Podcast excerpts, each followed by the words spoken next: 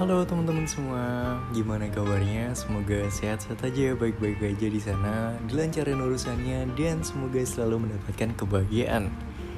Di sini perkenalkan namaku Alvin dengan NPM 19043010250 yang sedang mengembangkan mengemban tugas di kafe.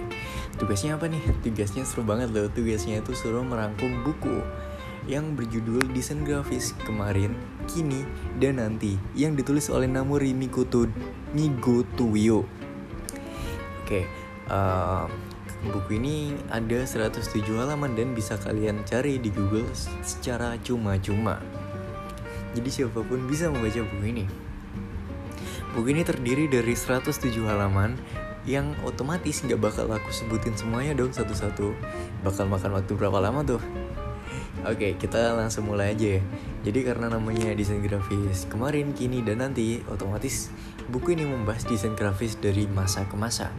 Di mana uh, setauku ini, setahu gue ya, yang namanya desain, fashion, itu bakal berputar seiring dengan perkembangan zaman. Jadi di kalau di fashion ya, contohnya style 70s, uh, style 80s yang memiliki celana flare itu sedang hype lagi nih sekarang nih. Nah, jadi desain itu dan fashion itu sama-sama trennya tuh mengikuti perputaran zaman aja. Oke, langsung aja kita masuk ke desain grafis kemarin. Jadi kalau desain grafis kemarin itu itu namanya ada di era modern. Era modern itu pada mulainya itu pada tahun 1920 sampai 1976. Jadi era modern ini menjadi masa di mana paham modernisme berkembang dan mempengaruhi berbagai aspek kehidupan bahkan seni. Modernisme memiliki kaitan erat dengan aktivitas kapitalisme, demokrasi, reformasi, dan program pembangunan. Kayak gitu. Uh, jadi gaya desain pada saat itu itu contohnya kalau sekarang itu ada namanya font Bauhaus yang font yang melengkung-lengkung dan apa namanya bentuknya simetris gitu ya. Eh sorry asimetris nggak terlalu simetris.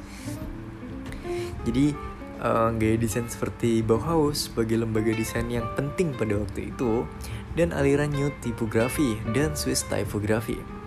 Jadi poros yang mempengaruhi banyak karya di masanya. Selain itu, modernisme sangat uh, koheren dengan meluasnya aktivitas industrialisasi di Eropa dan Amerika yang melahirkan produk produk desain yang semakin besar. Sehingga lahirlah apa yang dinamakan sebagai estetika mesin, sebagai awal dari modernisme dan profesi desain. Gaya desain pada era modern ini menggunakan pendekatan mazhab fungsionalisme. Jadi aspek-aspek yang nggak relevan dan nggak berhubungan dengan fungsi dan tujuan perencanaan nggak akan dipasang di desain itu tadi. Contohnya seperti simbol tradisi dan budaya pada gaya Victorian dan Art Nouveau yang banyak mengkolaborasi simbol kejayaan melalui bentuk ornamental yang rumit sehingga definisi estetika terdapat pada proses dekorasi, ilustrasi, tata letak, dan tipografi yang dirancang dengan rapi dan terstruktur. Jadi gaya di era modern itu lebih banyak menampilkan gaya desain yang mengkolaborasi banyak ruang kosong, garis, bentuk geometri yang minimalis, serta tata letak yang disusun rapi dalam komposisi diagonal atau vertikal atau juga horizontal. Jadi pada masa itu itu semuanya tuh dipandang dari sudut pandang formal. Makanya desain-desainnya itu ditampilkan dalam keteraturan, bersifatnya hierarki, objektif, teoritis, dan koheren. Seperti itu. Jadi karakteristik desain pada masa itu ya, karakteristik desainnya itu memiliki keseimbangan asimetris. Jadi warna-warnanya tuh cenderung kontras dan solid. Ilustrasinya pun uh, bercipta dari kombinasi bentuk bidang, geometri, garis, serta mengkolaborasi tata letak dalam konstruksi bentuk diagonal, vertikal, ataupun horizontal. Tipografinya pun menggunakan huruf yang cenderung minimalis seperti uh, golongannya Arial, Helvetica, uh, atau Swiss typography. Kayak gitu. Uh, dan contoh-contohnya apa aja sih desain-desain yang ini? Ada banyak aku sebutin beberapa aja ya ada Victorian ada label Epoch Style ada Glasgow Style dan lain sebagainya. Oke, kita lanjut. Kita lanjut ke era postmodern. Jadi era postmodern itu pada tahun 1977 sampai sekarang. Era postmodern uh, merupakan era yang menandai berakhirnya masa modernisme itu tadi. Lyotard merumuskan postmodern sebagai suatu periode di mana segala sesuatu didelegitimasikan. Era postmodernisme memberikan ruang bagi proses intensifikasi dinamisme, yaitu upaya yang tak henti-hentinya untuk mencari kebaruan. Um, desain grafis pada era ini bersifatnya itu minimalis. Hal tersebut secara nggak langsung terpengaruh pada pemikiran yang menganggap bahwa penemuan uh, penemuan eh sorry dalam perubahan gaya hidup kaum kelas tinggi merupakan sebuah kemajuan yang harus direspon. Gaya desainnya pun serba minimalis yang populer dan masih mempengaruhi gaya desain hingga saat ini.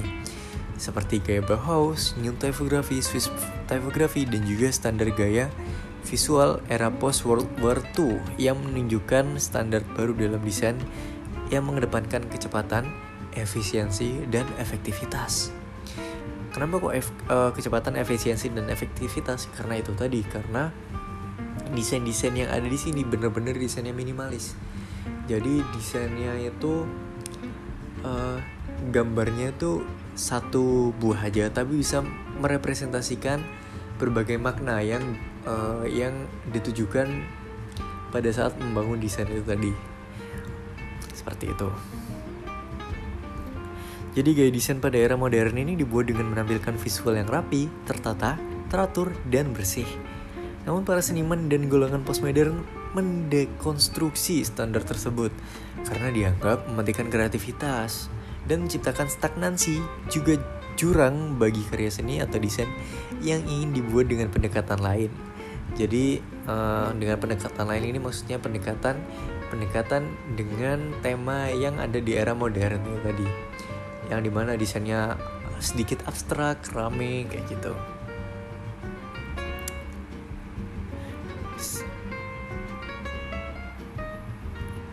Era postmodern juga eh, simbol-simbol budaya, tradisi spiritual, pemikiran irasional, dan hal-hal yang bersifat post-struktural memiliki ruang dan peran yang penting. Batas-batas desain hanya terpaku pada suatu hal yang formal itu dihilangkan. Kan tadi di modern itu semuanya dipatok formal, harus formal kayak gitu. Ini dihilangkan sehingga muncul berbagai aliran dan gaya baru inovasi yang saat ini mempengaruhi perkembangan desain grafis di Indonesia. Jadi karakteristiknya gimana sih? Karakteristiknya itu uh, dia tuh bisa simetris bisa juga nggak simetris. Nah jadi apa? Masih bebas ya kalau itunya kalau untuk warnanya itu lebih variatif dan mengakomodir warna kontras serta keseimbangan sesuai citra yang ingin dibangun. Jadi misalnya perusahaan contohnya ya, yang sekarang ada itu warna Prodia Prodia Prodia kan menggunakan desain yang sangat minimalis dengan uh, dua buah garis di kanan kiri dan dua buah lingkaran di atas bawah. Itu sudah sangat merepresentasikan Prodia sendiri. Karena simbol atau logo tersebut bisa jadi huruf P dan bisa jadi huruf D. Dan kenapa menggunakan warna kuning? Karena orang-orang percaya bahwa warna kuning adalah warna yang bisa dipercaya. Warna yang bisa memegang amanah dan warna yang bisa uh, apa memberikan rasa nyaman, rasa aman seperti itu. Ilustrasi yang digunakan pun ini pada era ini banyak menggunakan pendekatan teknik fotografi dan juga komputerisasi digital yang mampu mengakomodir berbagai efek dan imaji visual. Tipografinya sih pada era postmodern masih menggunakan tipografi yang cenderung minimalis juga. Di font-font yang digunakan itu benar-benar font yang garis nggak ada kurvanya sama sekali bener-bener kotak-kotak-kotak gitu oke tanda kutip ya kayak huruf P D itu tetap ada itunya tetap ada kurvanya nggak mungkin kotak-kotak juga kan.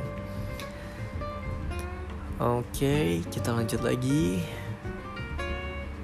Nah uh, ada juga contoh-contohnya ya. Tadi kan di desain modern sudah gue sebutin contoh-contohnya. Di postmodern ini ada contoh-contohnya juga. Ada beberapa. Yang pertama vernacular jadi karakteristiknya itu keseimbangan simetris atau asimetris jadi bebas juga. Dia memiliki warna ini menggunakan identitas lokal di suatu tempat. Seperti contohnya di Tiongkok maka otomatis identik dengan warna merah. Maka dia akan menggunakan warna merah sebagai background desainnya. Seperti itu. Ilustrasinya pada gaya ini menggunakan atribut lokal yang khas pada suatu wilayah. Seperti wayang golek identik dengan budaya Sunda koteka yang identik dengan budaya Papua. Tipografinya pun menggunakan huruf yang familiar dan dibentuk oleh budaya setempat. Jadi misalnya yang Tiongkok tadi itu backgroundnya merah, otomatis font yang digunakan itu bukan font universal. Ya, font yang digunakan ya font dari uh, Tiongkok itu sendiri, huruf dari Tiongkok itu sendiri. Vernakular itu sebenarnya memiliki makna asli itu bahasa sehari-hari. Makanya desainnya ini cenderung familiar, bagi para pelihatnya karena desain ini hanya akan ditempatkan di satu tempat uh, di satu tempat di mana desain itu akan uh, digunakan untuk mempersuasi orang. Seperti itu. Oke selanjutnya ada digital imaging. Nah ini seru banget ini digital imaging jadi digital imaging itu kita bahas dari segi warna ya digital imaging itu memiliki tampilan sesuai uh, dan memiliki gradasi warna yang menunjukkan kesan kedalaman. Jadi kontrasnya tuh bener-bener kerasa kalau digital imaging antara highlight dan apa namanya highlight dan shadownya itu bener-bener apa ya kalau dibilang jomplang nggak terlalu tapi dia gradually gitu loh. Jadi kalau andai kata naik itu nggak langsung naik naik 10 nggak tapi naiknya satu-satu. Jadi penjelasan teoritisnya kayak gitu.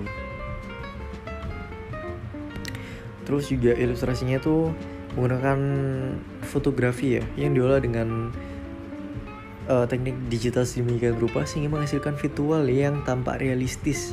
Meskipun bentuknya sangat imajinatif dan konsep disesuaikan dalam metafora dan huruf yang dipakai pun lebih variatif. Di sini digambarkan di bukunya tuh jadi kayak ada hourglass, hourglass atau jam pasir. Yang atas itu yang atas itu isinya es kutub yang sedang mencair dan yang bawah isinya bumi.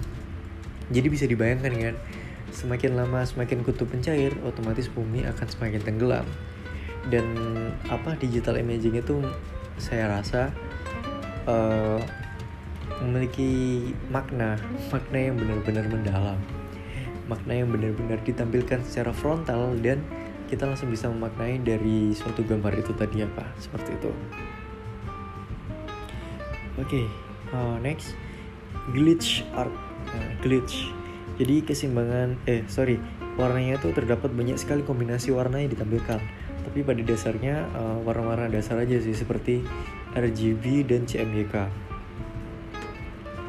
dengan kontras yang sangat tinggi ya warna-warnanya. Dia tersebut menyajikan, menyajikan pengalaman visual dan kesan artistik yang berbeda dan khas. Ilustrasinya itu sih uh, distorsi ya, jadi banyak distorsinya, terus banyak apa namanya garis vertikal atau horizontal yang berwarna merah, hijau, biru gitu. Tipografinya sih uh, huruf modern ya yang contoh kayak Arial-Arialan gitu jadi desain ini pertama kali diperkenalkan tahun 2002 dalam simposium seni di Oslo, Norwegia dengan tema Motherboard Attack Art Collective. Disusul event selanjutnya bertujuk Glitch tahun 2010 di Chicago dan 2011 di Inggris. Oke, ada juga pixel art, ada flat design, dan lain sebagainya. Lantas ke depannya tantangan desain grafis itu apa sih? jadi tantangan desain grafis itu balik lagi ke ini ya ke teknologi kenapa aku bisa bilang teknologi karena software desain bajakan itu otomatis bakal semakin tersebar bakal semakin tersebar di internet dan semua orang akan dengan mudah mengunduh software tersebut tanpa ada rasa bertanggung jawab ataupun ada rasa untuk memberi royalti kepada para developer uh, developer software tersebut. Jadi buat yang masih pakai software bajakan hati-hati ya. Ini pesan juga untuk termasuk diri saya sendiri karena itu udah diatur di undang-undang. Jadi undang-undangnya ada hak cipta nomor 28 tahun 2014 pasal 113 ayat 3. Disebutkan bahwa setiap penjual barang bajakan termasuk para retailer komputer dan perangkat lunak dapat dipidana dengan pidana penjara paling lama 4 tahun atau dikenakan denda hingga 1 juta rupiah. Mohon maaf, 1 miliar rupiah ternyata. Gila, gede banget dendanya. Serta disebutkan pula pada ayat 4 UHC bahwa setiap orang yang memenuhi unsur sebagaimana dimaksud pada ayat 3 dilakukan dalam bentuk pembajakan dipidana dengan penjara maksimal 10 tahun dan pidana paling banyak 4 miliar rupiah. Jadi gak bisa dipungkiri juga ya bahwa keberadaan dan penggunaan software bajakan juga turut membantu para pelaku industri kreatif di Indonesia untuk tetap berkreasi. Namun ada negatifnya juga kasihan saya developernya sih kasihan developer yang udah uh, susah-susah nge-build, nge-maintenance software yang kita gunakan selama ini. Dan ada fun fact nih, fun fact menarik fun fact menarik. Indonesia ya Indonesia itu menyumbang 1001 triliun pada tahun 2018 1001 triliun. Dan itu menjadi problema tersendiri bagi penegak hukum di Indonesia. Di di satu sisi praktik tersebut jelas melanggar etika dan undang-undang, namun di sisi lain jika hukum tersebut ditegakkan, maka akan ada banyak pengangguran di bidang ini. Karena uh, bisa dibilang bayarnya pun juga lumayan mahal. Seperti itu. Oke, kita next ya.